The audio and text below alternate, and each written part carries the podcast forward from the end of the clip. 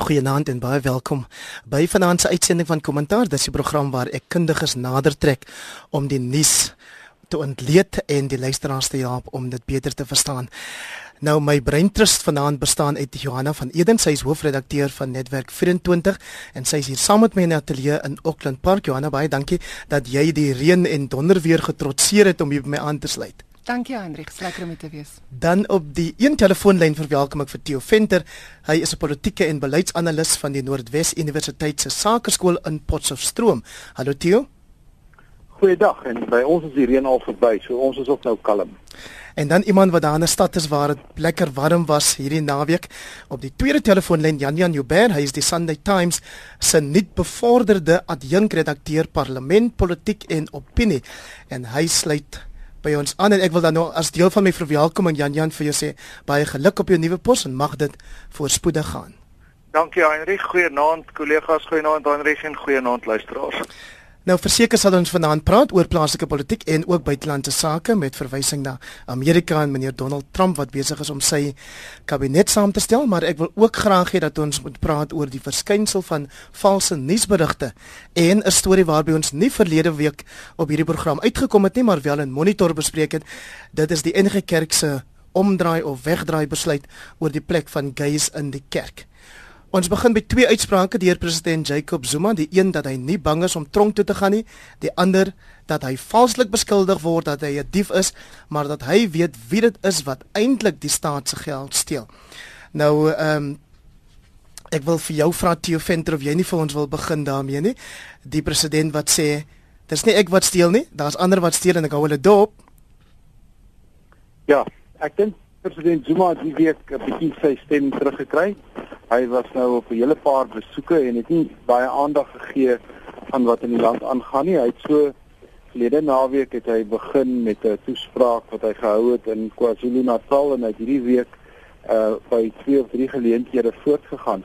Eintlik um, is hy besig met 'n terugvegpoging. Hy is besig om om sy kant van die saak op sy onbeholpe manier te stel soos wat hy dit nou doen en met elke toespraakie wat hy hou, maak hy eintlik die deur 'n klein bietjie groter oop, maar ek dink nie 'n mens moet onderskat wat die poging is wat op die oomblik aangewend word nie, want môre ontmoet die nasionale werkskomitee die ou ehm um, die die oudstryders wat um, ons nie veterane wil noem nie, want die veterane is in 'n ander klas. Hulle is die ouetjies wat met die kulvleure en pies rondhardloop. So die die die veterane is die ou UDF span, die ou ANC span wat eintlik in 94 begin het. En daar is baie verwagtinge oor wat in môre se vergadering gaan plaasvind, maar ek dink wat ons hier weer gesien het was 'n poging van meneer Zuma om in, op 'n manier die die klimaat 'n bietjie te skep en uh en en sy posisie te stel en uh die wat getwyfel het daaraan of gedink het dat dit gaan 'n vinnige manier wees om meneer Zuma van die pos te ontsetel of om op een of ander manier uit die presidentskap te kry, dink ek moes die week twee of drie keer dink om om te besef hy gaan nie van self loop nie. Ehm um, die verwagting is dat hy nog 'n geruime tyd met ons gaan wees en die soort uitsprake wat hy maak bevestig dit maar net in my oë. Theo, jy het gesê die reën het opgehou daar op Potchefstroom, maar klink my van dalk 'n windjie waai want ons het so 'n bietjie van 'n steurnis op die lyn, so ek vra vir die luisteraars om verskoning daarvoor. Kom ons gaan nou Kaap toe en dan vra ek vir Jan Jan Joubert.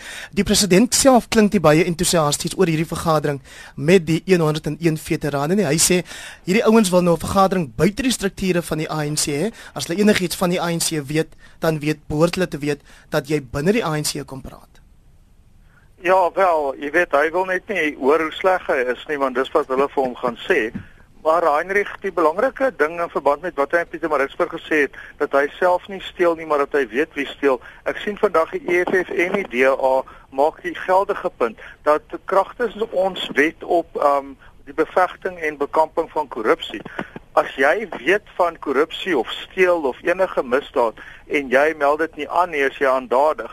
So die president ehm um, jy weet jy sê ehm um, hy gaan dalk ehm um, moet kyk of hy tronk toe gaan. Wel daar's amper klaar genoeg rede want as hy weet van mense wat steel of korrupsie pleeg en hy sê nie, dan is hy reeds skuldig. So ek is seker daar gaan môre klagtes teen hom ingedien word. Jou van Eden en dis dan sekerlik 'n storie wat julle by Netwerk 24 sal dophou. Ja, en ek dink Jan Jan haal 'n baie geldige punt aan. Ek dink die sê ding is die deler is so goed soos die steler. As meneer Zuma regtig weet wie hierdie mense is en en en wat hulle besig is om te doen, dan dan is dit sy grondwetlike plig om vorendag te kom met die name. Wat vir my bietjie ontseën nie is is amper die trant van die gesprek. Dit is asof hy sê ek weet wie hulle is en ek het hulle name op 'n lys. Daar daar daar's my amper iets wat wat mense afdreig, iets iets wat sê ek het 'n hou vas op julle. So, dit wat my dink aan skoolhoofde in die ou dae. Hulle het altyd gesê ons weet wie dit is, julle moet maar uitkom. Ja, presies daai ding, presies daai ding. Sien die ander ding wat jy gesê het is ehm um, jy weet dat dat hy nou besig is om terug te veg. Wat vir my interessant is, ek ek dink die president is in 'n ehm um, weet hy gaan nie na plekke toe waar mense moet oortuig van iets nie. Dis nie vyandige gehore wat hy toespreek nie.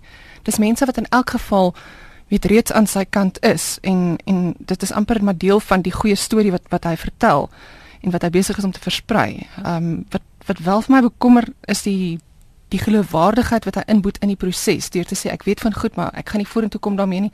En mense dit dit lyk asof dit mense nie plan nie. Dit lyk asof hulle net opgesweep word deur hom en al hierdie inligting wat hy het en al die mag wat dit hom gee kan ek vir hulle aanhaal uit daai toespraak wat die president gelewer het daar in KwaZulu-Natal en dis nou in Engels. They have been saying Zuma must go. I am not leaving. One day I will write a book that will reveal all. So miskien gaan ons die antwoorde op die ehm um, die onthullings in daai boek lees Jan Jan Joubert. Ja, so maar moet sien. Ehm um, jy weet wat my aanbetref, ehm um, is hierdie ou man net hierdie president van ons besig om benoude spronge te maak. Ek uh, dink hy is besig om homself as slagoffer te teken. Hy gaan praat soos Joe gesê het met sy hartland gehore. Pietermaritzburg is 'n area waar hy in die verlede toe hy um beskuldig is van korrupsie rondom die Sheikh dinge het dit in die Natalse Hooggeregshof in Pietermaritzburg afgespeel en die mense daar ken vir hom. Hulle eet hierdie goed vir goed vir soetkoek op, maar ek moet beken, mense sou seker gedink het hy gaan terugveg maar ek dink nie hy het 'n vreeslike goeie hand om te speel nie. Sy posisie is besig om te verswak.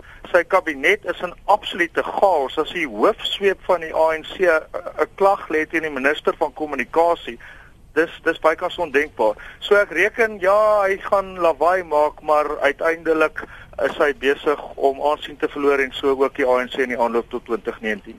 Theo Venter met die president het steeds goeie steun weet ons binne die ANC en uh, dit mag dalk nie so ernstig opgeneem word soos wat ehm um, soos wat hulle hulle self opneem nie maar een so 'n uh, instelling of so 'n uh, um, uh, deel van die ANC is die MK veterane wat juis nou ongelukkig is daaroor dat die ANC wel ingestem het om met die ander veterane te vergader.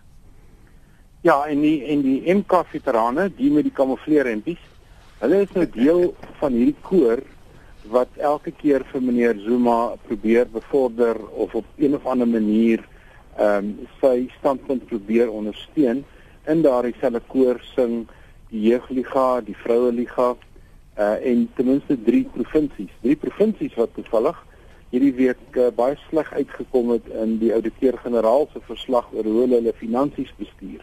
Maar dit is die ehm um, uh, die kwessie waarna Jan Jan verwys het deur te sê sy kabinet is baie verdeel en en hoe hoe meneer Zuma 'n groot kabinet bestuur met soveel diep liggende verdeeldhede uh woensdag agter woensdag na woensdag die die verbaas my nog steeds. Ek die enigste tyd in die Suid-Afrikaanse geskiedenis wat ons iets soortgelyks gehad het was die dae voordat die KP weggebreek het en ons geweet het die ou nasionale party kabinet was diep verdeel. Die regses wou nie loop nie, die ver linkses of die verligtes van destyds wou nie met die konservatiewes praat nie en eers in die middel het so 'n middelgroepie onder EW de Klerk wat half regs was en half links was probeer om die ding bymekaar te hou. En dis hierdie verskynsel wat ons nou by vergadering na vergadering hoor wanneer ANC intellektuele praat en hulle almal met hierdie stelling kom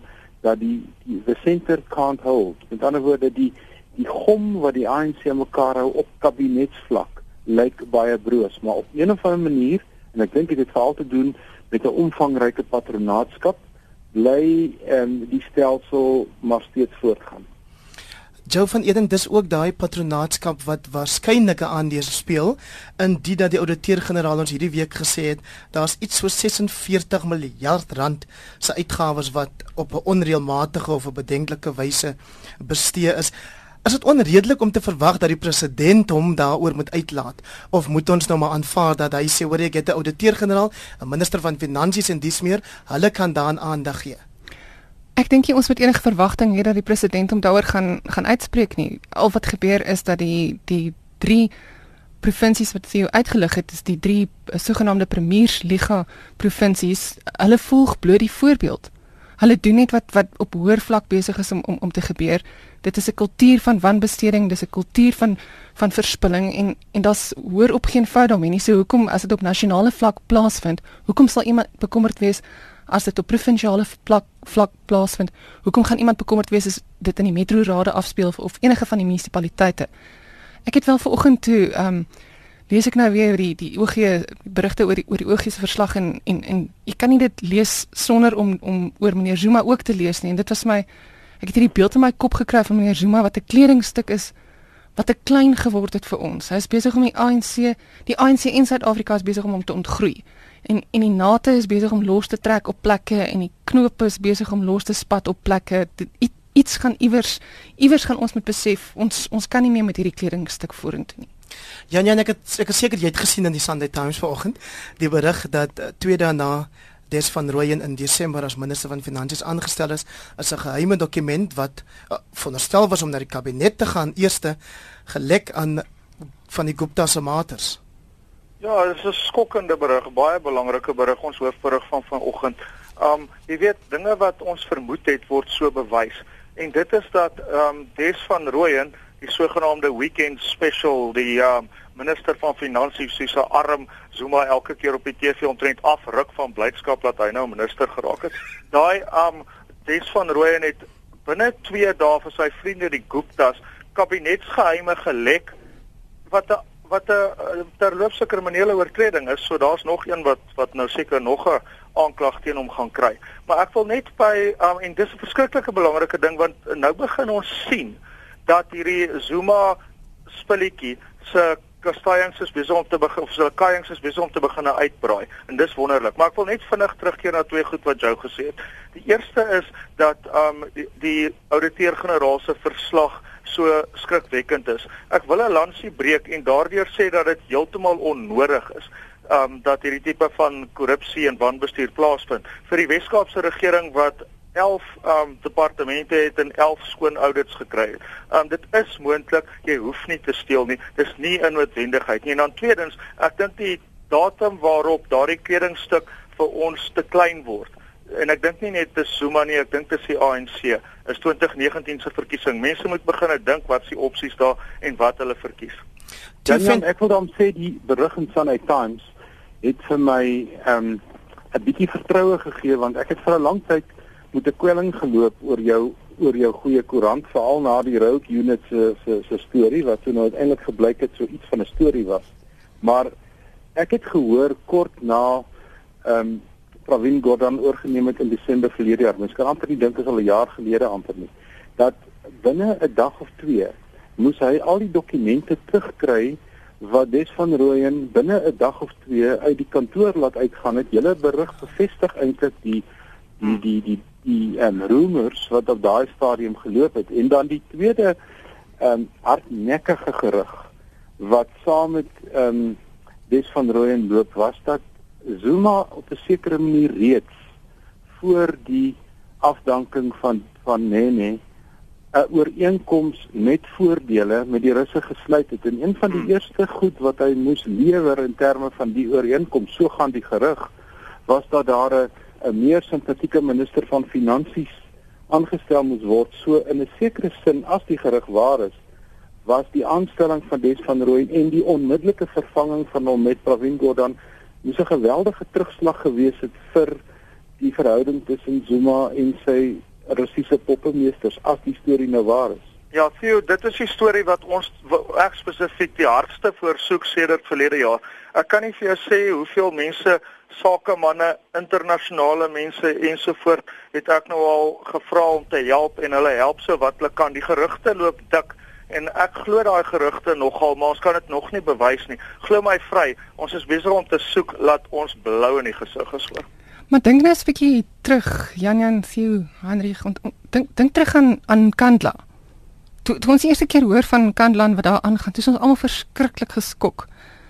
En ons kan dit nie glo nie. En Mandy Resort vir ons daardie wonderlikste wonderlikste stuk korrupsie gaan oop vlek. Toe kom ons agter daar's 'n suiwelplaas in Vrede waar omtrent net 'n hek staan waar die Guptas ook na beweringe mm -hmm. weet 'n belegging het. Nou hoor ons van 'n myn aan die kant Klerksdorp, die Shiva myn waar wat op dieselfde basis funksioneer. 'n Kernkragkontrak met met met Rusland en en skielik sit ons met korrupsie syfers wat ons weet ons kan nie president kwaliek neem as hy nie syfers kan uitspreek nie want ons self kan nie daardie groot bedrag eers verbeel nie. So groot raak raak die die omvang van korrupsie in hierdie land.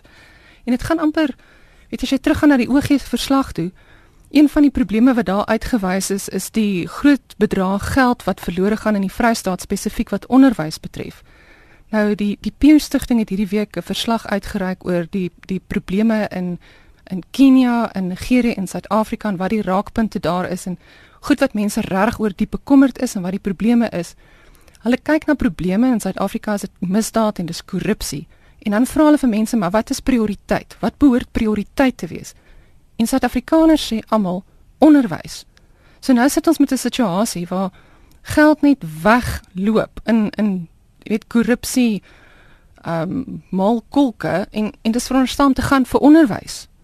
So dis ja, dis een van die goed wat my bekommer. Daar's daar's daar's een baie goeie ding hierso. En dit is die geveg wat besig is om plaas te vind van die bevolking self en ook van binne die kabinet en eintlik almal teen die ergste vorm van korrupsie van die hele ou spul en dis die beweerde Russiese kernkragooreenkoms. Die manier waarop um, daardie ding nie plaasvind nie, hoe dit bestry word vanuit die tesorie van binne heelwat ministers wat mens ken, die handel, die um groot sake lui almal werk saam want ons weet hierdie land moet werk en hy gaan net werk as ons hierdie tipe van korrupsie kan keer maar ek vind dit nogal indrukwekkend en inspirerend hoe Suid-Afrikaners vas staan teen spesifiek hierdie ding. Ek dink well, Jan Jan ek dink jy is heeltemal reg. As jy nou mooi kyk na die na die uh, mediumtermyn begroting wat ons nou die nag na geluister het en 'n begroting volgende jaar en jy jy volg die patroon wat die nasionale tesorie gevolg het dan het hulle tussen 2 en 400 miljoen rand toegelaat vir ondersoeke en navorsing na kernkrag. Dis nie genoeg geld om 'n kernkrag um, stelsel te begin nie. Dis dis 'n druppel in die emmer en dit werk vir navorsing. Die tweede deel is dat hulle 'n baie beginsel besluit geneem het dat die kernkrag finansiering sal deur Eskom gedoen word en die sleutelfiguur daar was Brian Molefe. Ek dink nie mense besef watter groot skok dit op die kernkragstelsel is dat Brian Molefe bedank het nie want hy is die enigste ou wat die finansiële ehm um, vermoë het, savvy om hierdie groot geld in die internasionale stelsel bymekaar te gaan haal. Ek wil die bewering maak dat dit wat jy gesê het Jan Jan is verder gevorder as wat ons dink.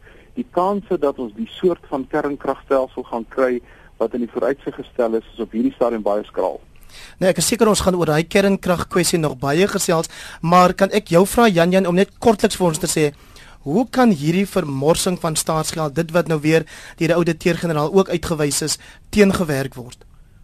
Um wel, ek dink um ek wil nou nie myself herhaal nie, maar die wetenskap wys dit kan gedoen word. Ja, maar hoe? Op 'n manier, nee, dit is maklik. Um maar dis net baie werk.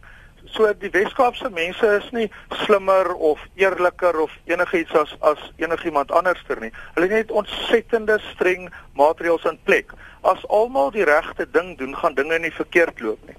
Maar ek weet dat in die Weskaapse regering is dit omtrent 'n obsessie om nie geld laat verlore gaan nie en om jy weet binne die reëls te bly en om nie wanbesteding te hê nie en om skoonouders te kry. So reken jy wat nodig is is ja. is hef aan en doen dit. So reken jy die berigte van elders dui op doelbewuste wanbesteding of gewoon onkunde? Ek, ek dink nie daar's veel van 'n verskil nie. Uiteindelik uh, Joe het verwys na die na die Vrystaatse Onderwysdepartement. Jy weet, dis nie 'n so groot onderwysdepartement nie. Ek as ek uit my kop uit moet sê, dan sit onder die drie kleinstes in die land. Dat hulle so kan geld, dis maar steel eintlik. Is is eintlik verstommend en daar's 'n geweldige gebrek aan politieke wil in hierdie provinsies met groot ANC meerderhede om die regte ding te doen. Joe het ook voor verwys daarna dat die ouditeur-generaal se verslag juis uitwys dat die drie provinsies Noordwes, daar waar Theo hulle is, kan hulle self net nie regeer nie. Vrystaat en Mpumalanga, die drie sterkste Zuma provinsies, is ook die swaks bestuurde grootste klomp stelers wat daar is. So dit wys jou ook hoe belangrik is 'n sterk oppositie om enige regering op sy tone te hou. Jan Jan, jy sal volgende jaar weer aardklop toe kom en dan sal ons dit maar oor 'n bier uitsort. is reg so. Nee, nee, ek ek wil ek wil saamstem met wat julle sê, dit is iets anders ook. Die ouditeur-generaal se verslag is 'n bietjie anders as 'n gewone auditverslag van 'n privaat maatskappy. Die ouditeur se verslag lê verskriklik baie klem op die korrekte prosedures om byvoorbeeld betalings goed te keer, die korrekte prosedures om te kyk of die politieke besluite wat sê net maar ehm um, plaaslike rade neem of dit presies so tot uitvoering gebring word en wat is die uitkomste van die besluit wat geneem is en is die geld reg aangewend. So in daardie ketting van gebeure, daar vind die korrupsie plaas en ek dink wat hulle duidelik aandui, veral wanneer hulle praat van wanbestuur of geld wat verkeerdelik aangewend is, is as hulle nie 'n politieke besluit kan koppel aan 'n uitbetaling wat gemaak is nie. En dikwels is daar geldige besluite wat so geneem word, maar in die grootste mate is dit goed wat deur goeie bestuur opgelos kan word. Ons kollega um, Erwin Schwella wat dikwels saam met ons praat, kan liries hieroor raak, maar dit is die veld waar ek dink die probleem opgelos moet word. Dis die stem van Theo Venter wat vanaand deel uitmaak van my paneel op kommentaar. Die ander twee deelnemers vanaand is Johanna van Eden, sy is by Netwerk 24 en Jan Jan Joubert van die Sunday Times. Kollegas, kom ons gaan maak vinnig asseblief 'n draai in Amerika. Dis waar die aangewese president Donald Trump besig is om sy span of sy kabinet in plek te kry. Theo Venter, 'n mens sien nie eintlik uit die name wat tot nou aangekondig is 'n generasie of 'n gender mix as ek die Engels kan gebruik um, in die Trump Trump kamp of Trump span nie. Nee, nie in die eerste 5 of 6 name wat nou na vore kom nie. Ons moet onthou hy moet so 15 mense aanwys wat sy kabinet uitmaak. Dit is eintlik ondenkbaar dat 'n land van 322 miljoen mense uh die grootste ekonomie in die wêreld 'n kabinet van 15 lede het. En dan moet hy nog so 'n stuk of 10, 12 mense aanwys wat baie naby aan die kabinet funksioneer, 'n bestuurder van sy begrotingsspan, 'n bestuurder van van die Withuis en al daai soort van goeders. En net die kabinetslede moet deur die ehm um, senaat goedgekeur word ehm um, as as lede van sy kabinet. Nou tot nou toe en volg 'n baie interessante patroon. Hy begin deur 'n hand van vriendskap uit uit te reik na die Republikeinse Party se leierskap wat um, hom eintlik nie gesteun het nie en deur die voorsitter van die Republikeinse Party as sy withuis of sy stafhoof aan te wys. Dan het hy gegaan vir 'n baie konservatiewe raadgewer wat uit die Amerikaanse konservatiewe politiek uitkom, Steve Bannon. En dan het hy nou gister en vandag um, die aankondigings gemaak het betrekking tot generaal Flynn, iemand wat sy werk verloor het vanweë sy konservatiewe houding in die in die militêr alhoewel hy 'n ingeskrewe lid van die demokratiese party is. Dit wys jou hoe hoe vreemd die Amerikaanse politiek eintlik funksioneer en dan lyk dit asof hy 'n baie goeie gesprek met met Romney gehad het wat hom weer na die middelgrond van die Republikeinse party toe vat en senator Sessions word sy prokureur-generaal dis nou die ekwivalent van ons eie Sean Abrams en uh, dan ook my Rudy Giuliani gaan ook 'n pos kry. Jan Jan Joubert? Ja, ehm um, kyk, ehm um, met die uitsondering van Mitt Romney en ehm um, Reese Priebus die ehm um, Republikeinse voorsitter, uh, is dit 'n uh, ontsettend ehm um, verregse span. Jeff Sessions, die senator van Alabama, die eerste senator wat se Trump ondersteun het, het regtig, ek's jammer om dit te sê, rassistiese verlede. Um dis baie maar soos die um aangewese adjunkpresident van Indiana. Um dis ons sal maar moet sien. Jy weet die Amerikaners het daarvoor gestem in 'n groot mate um is diegene van ons wat bekommerd is daaroor se vrese besig om waar te word. Maar in die politiek is daar ook so iets soos 'n ekwilibrium en die hele Republikeinse party is verseker nie so reg soos meneer Trump nie. Ja, nee, Gelukkig is daar geweldige um daar's wigte en teenwigte. Die Senaat en die Raad van Verteenwoordigers het baie mag. So hy gaan ook nie net kan doen wat hy wil nie. 'n uh, uh, Baie 'n baie belangrike gesprek het vanmiddag plaasgevind deur uh deur Farid Zakaria en sy GPS. Hy het met uh, die ou Henry Kissinger gepraat wat nou 93 jaar oud is. Hy praat stadiger as in die as in die ou dae. Hy wat wat sê hy toe? Theo, wat sê hy toe? En en wat hy gesê het was baie interessant. Hy het gesê hy het nou 'n lang gesprek met Trump gehad en dit vir hom duidelik dat Trump die man van sy veldtog en Trump die man wat president gaan wees, gaan twee verskillende mense wees. Dat Trump die president gaan 'n baie meer um, pragmatiese persoon wees en toe het hulle hom bietjie daarop gedruk oor die uitsprake wat Trump gemaak het voor die verkiesing wat ons natuurlik almal bekommer het en hy het gesê tipies Kissinger jy moet in die politiek 'n verdeling kan maak tussen wat 'n man voor 'n verkiesing sê en wat hy doen na 'n verkiesing. Uh -huh. uh -huh. Nou, nou ja, kom een van die kwessies natuurlik Joe van Eden wat ehm um, baie ter sprake gekom het in die verkiesingsveld tog van meneer Donald Trump en nou ook met die aanstelling van sy span is die kwessie van rasisme in Amerika. Ek wil hierdie saak nou 'n bietjie nader na die huis bring. Jy het op jou lysie van voorgestelde onderwerpe vir ons program vanaand die Middelburg voorval gehad as as een van die kwessies wat ons behoort te bespreek. Sê vir ons wat jou mening daaroor is. Hy kyk dit vir oggend toe loop ek in 'n winkelsentrum en en mens sien kersbome en jy hoor die kersliedere en ek en ek, ek kan nie help om terug te dink aan 4 Januarie vanjaar nie. Ek bedoel dis splinter splinter nuwe jaar vol belofte en wat wat trend op Twitter? Racism. En so die jaar afgeskop en ek is bevrees dis hoe die jaar gaan eindig. Ehm um, die die video wat wat uh, openbaar gemaak is met die aanval of of of die die voorval van die man wat in 'n doodskus ge, gestop is en gedreig is om aan die brand te steek. Ek bedoel dis een van die aakligste aakligste stukke beeldmateriaal wat jy jou kan verbeel. En ek ek dink net dit is ehm um, dit is dis aaklig en en dan begin mens dieper krap en jy begin lees dat mense sê ja maar. En daar's vir my absoluut geen rede om om na so 'n voorval te kyk en te sê ja maar nie ja maar daar's baie misdaad in die gebied so ons moet nou iets doen daaraan weet nou gryp jy enige onskuldige man stop hom in 'n doodskus en dink jy kan doen met hom wat jy wil dit, dit is net verskriklik en die ding wat ek vandag daaroor gelees het in 'n rapport wat my iets wat my lank gaan bybly is is van 'n 'n swart man in Middelburg wat sê ons weet nie meer vir wie om kwaad te wees nie Die offender ek sou reken dat hierdie soort voorvalle gee natuurlik meer skietgoed um vir iemand soos Julius Malema wat juis hierdie week weer uitgevaar het teen Afrikaners. Ja, ek dink so.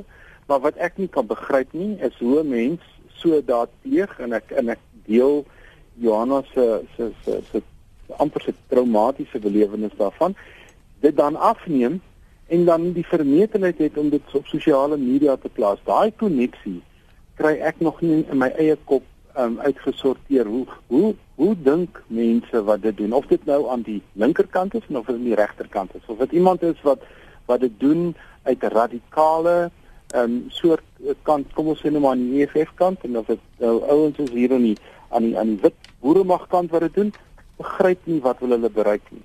En die die ehm um, die groot ellende is met Julius Malema ook. Sy uitsprake wat hy nou gemaak het na die hofsaak uitgestel is is dat um, dit wek meer frustrasie en dit wek spanning, dit wek woede.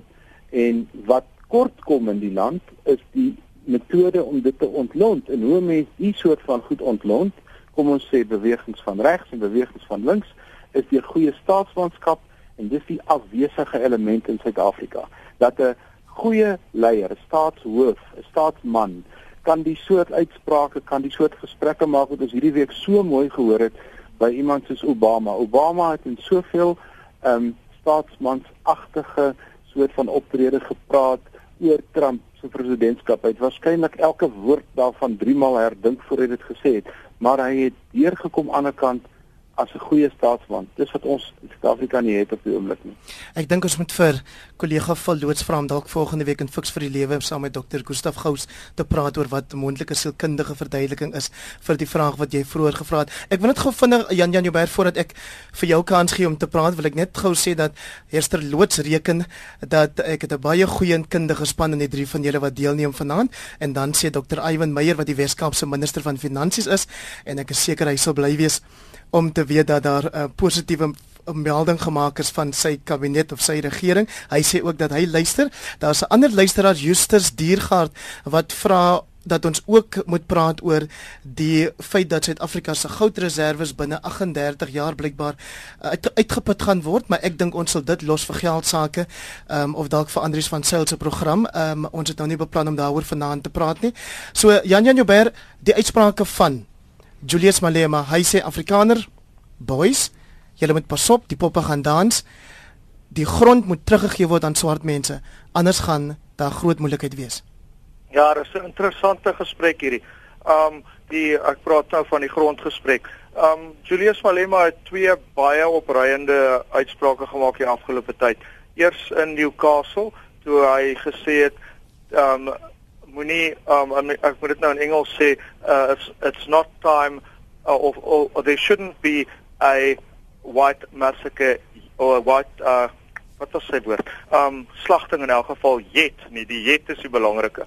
Nou mense in die EFF vertel vir my dat Julius vir homself baie kwaad is wat hy het gesê het. Hy het bedoel om te sê na hy al die geskiedenis gegee het, yet there will not be a slaughter of white people and to to kry sy ja? Engels verkeerd sy Engels is nie sy beste punt nie. Dis wat die EFF sê. En ek sien vandag 'n rapport daar in Mpofu en in ons koerant in die Sunday hmm. Times en baie sien in Glossy, ehm um, slaan eintlik vure dood vir die faales.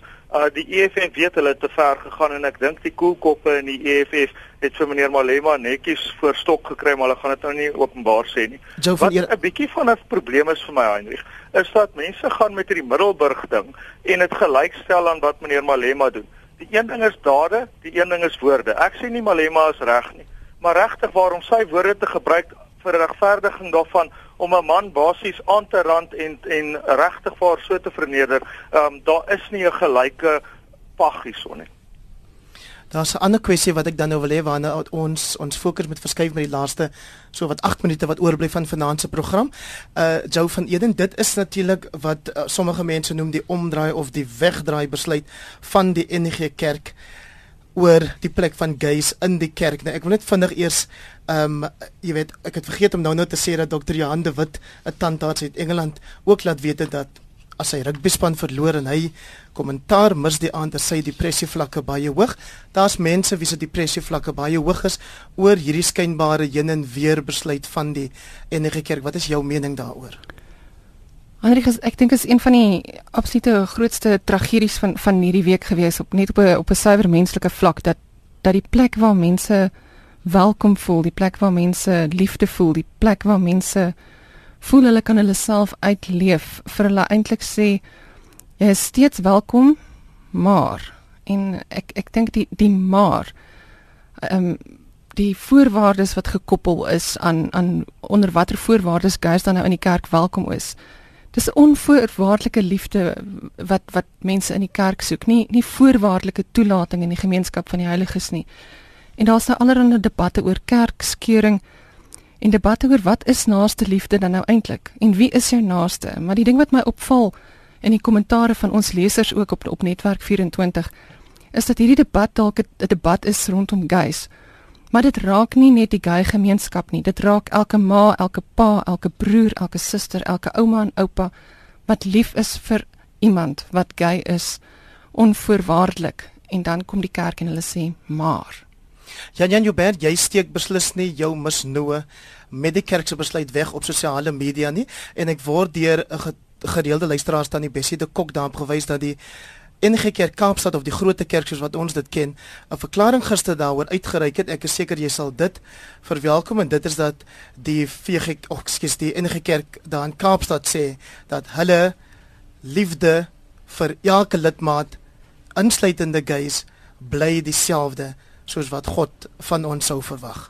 Wel, hulle gaan verder as dit Heinrich. Hulle sê um dat gay mense spesifiek welkom is soos wat gay mense is en soos wat um gay mense liefhet, hulle nooi hulle uit. Dis nie net 'n kwessie van aanvaar nie. Um daar is tot dusver 'n 4 5 4 of 5 gemeentes in die Wes-Kaap wat 'n besluit geneem het om hulle self te distansieer van die NG Kerk se sinode besluit dat gay mense nie meer welkom is in die kerk nie. Um in elk geval nie as hulle gay is nie. En um dit is die gemeente Stellenbosch die um die moedergemeente die Stellenbosch wel geleë dan sover ek verstaan die Stellenbosch Studentekerk maak nie seker of dit 'n ander gemeente is nie. Pinelands en dan die Grote Kerk. So die twee oudste NG Kerk gemeentes in die land um en in die wêreld, naamlik Kaapstad en Stellenbosch het reeds die regte ding gedoen. Um wat vir my hartseer is van hierdie besluit en dis nie dat dit my met misnoo vul nie, hoe genaamd nie. Dit vul my met ontsettende hartseer want ek is 'n lidmaat van hierdie kerk en ek dink die kerk doen verskriklike goeie werk. Maar wat wat my hartseer is is die 2015 besluit was 'n onvoorskriftelike besluit. Dit het gesê elke gemeente kan besluit. Ek dink nie enige iemand kan of hy die liefdesgebod eng of wyd interpreteer wat voorskryf deur 'n sinode nie. En wat vir my hartseer is van hierdie mense wat nou hierdie besluit afgedwing het, is hulle het nou seker hulle sommetjies gemaak en hulle het seker gesien hulle is nou meer en toe het hulle nou almal gedwing om soos hulle te dink. Dis vir my so benepe en hartseer. En ek hoop dat ander gemeentes ook die besluite gaan neem wat hier in die Wes-Kaap geneem is. Ek hoor daar's net 19. Ehm um, die hartseer situasie is dat daai gemeentes word nou geplaas in 'n situasie waar hulle moet kies tussen dit wat hulle glo reg is, naamlik dat mense onvoorwaardelik liefgehê moet word ook deur die Here uh, aan die een kant en die kerk reg aan die ander kant. Nou wonder ek net hierdie ander ouens gaan hulle nou hierdie gemeente skors wat wat wat teen die kerk reg gaan en gaan hulle byvoorbeeld die studente van Stellenbosch skors uit die kerk uit. Ek wonder tog.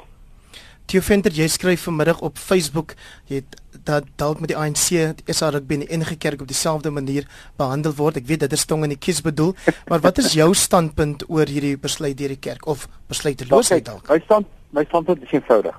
Die die enige kerk het 'n baie belangrike deurbraak besluit geneem verlede jaar en enige organisasie wat nou 'n kerk is en of dit SARI is en of dit die ANC is wat 'n progressiewe besluit neem en dan 'n paar maande later vir 'n trierad soek bevraagteken eintlik sy eie relevantie in die gemeenskap. Ek dink die NG Kerk as 'n organisasie en ek is nie 'n lid van die NG Kerk nie, maar die NG Kerk as 'n organisasie gaan erns aan sy pad 'n groot prys betaal. Ons moet onthou, dis nie net die NG Kerk nie in terme van die tradisionele kerke sit die gereformeerde kerk met dieselfde probleem. Hulle laat nog nie eens vroue toe op die op die preekstoel nie. Daardie hekkie het die het die ander twee of drie kerke dan maar oorgesteek en uh, en en ek dink die Afrikaanse kerke in die gemeenskap gaan vir hulle self baie indringend moet afvra hoe lyk hulle eie um, verstaan van die gemeenskap waarin hulle werk en daai probleem sal vir hulle baie tyd neem. Hoe vinniger hulle dit doen, hoe beter.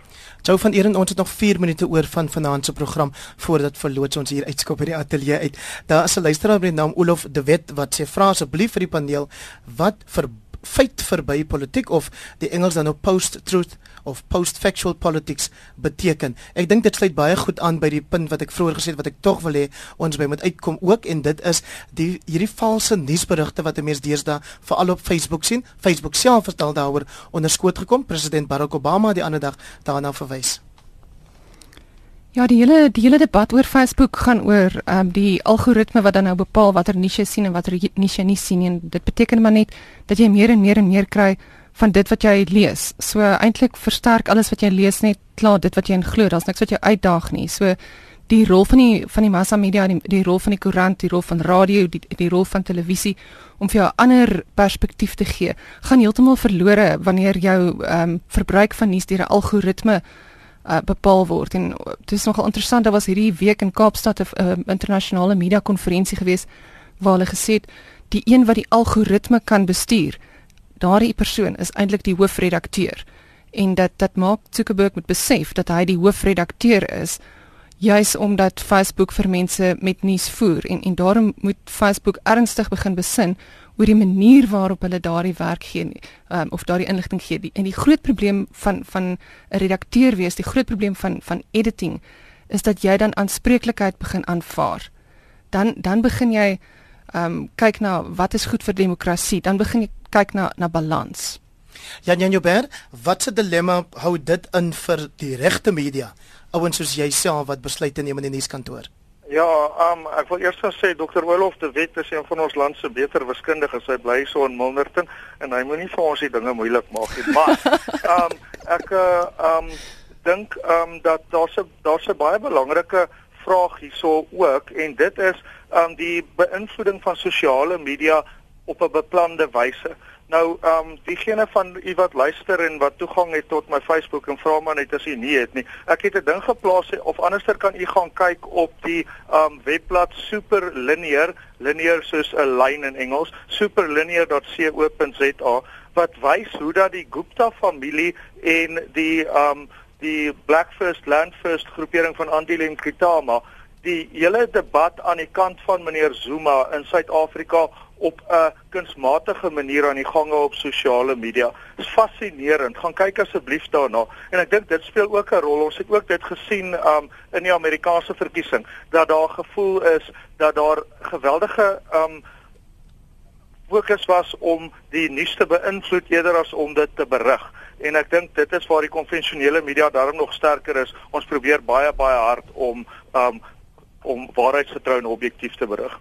Theo Venter, ons het letterlik 30 sekondes oor en ek gee dit vir jou om te reageer op hierdie feit verby politiek wat baie goed dink ek toegepas is deur die aangewese Amerikaanse president Donald Trump. Ja, absoluut. En ek wil aansluit by Jan Jan en by by by jou. Dit is as jy in die sosiale media omgewing is, moet jy hiperkrities wees en jy moet hiper agterdogtig wees. En dit is die groot fout wat die meeste lesers maak. Hulle aanvaar alles wat vir hulle gevoer word onkrities dit is nou nodiger as ooit om seker te maak wat jy lees het een of ander kredietwaardigheid. Dit was kommentaar vir hierdie week. Soos altyd, my dank aan julle wat getrou inskakel en terugvoer gee en 'n besonder dankie aan my brein trust vir vanaand Theo Venter van die Noordwes Universiteit se Sakeskool, Jan Jan Joubert wat nou die Sunday Times se adjunkredakteur vir politiek, parlement en opinie is en laaste maar nie die minste nie, Johanna van Eden van Netwerk 24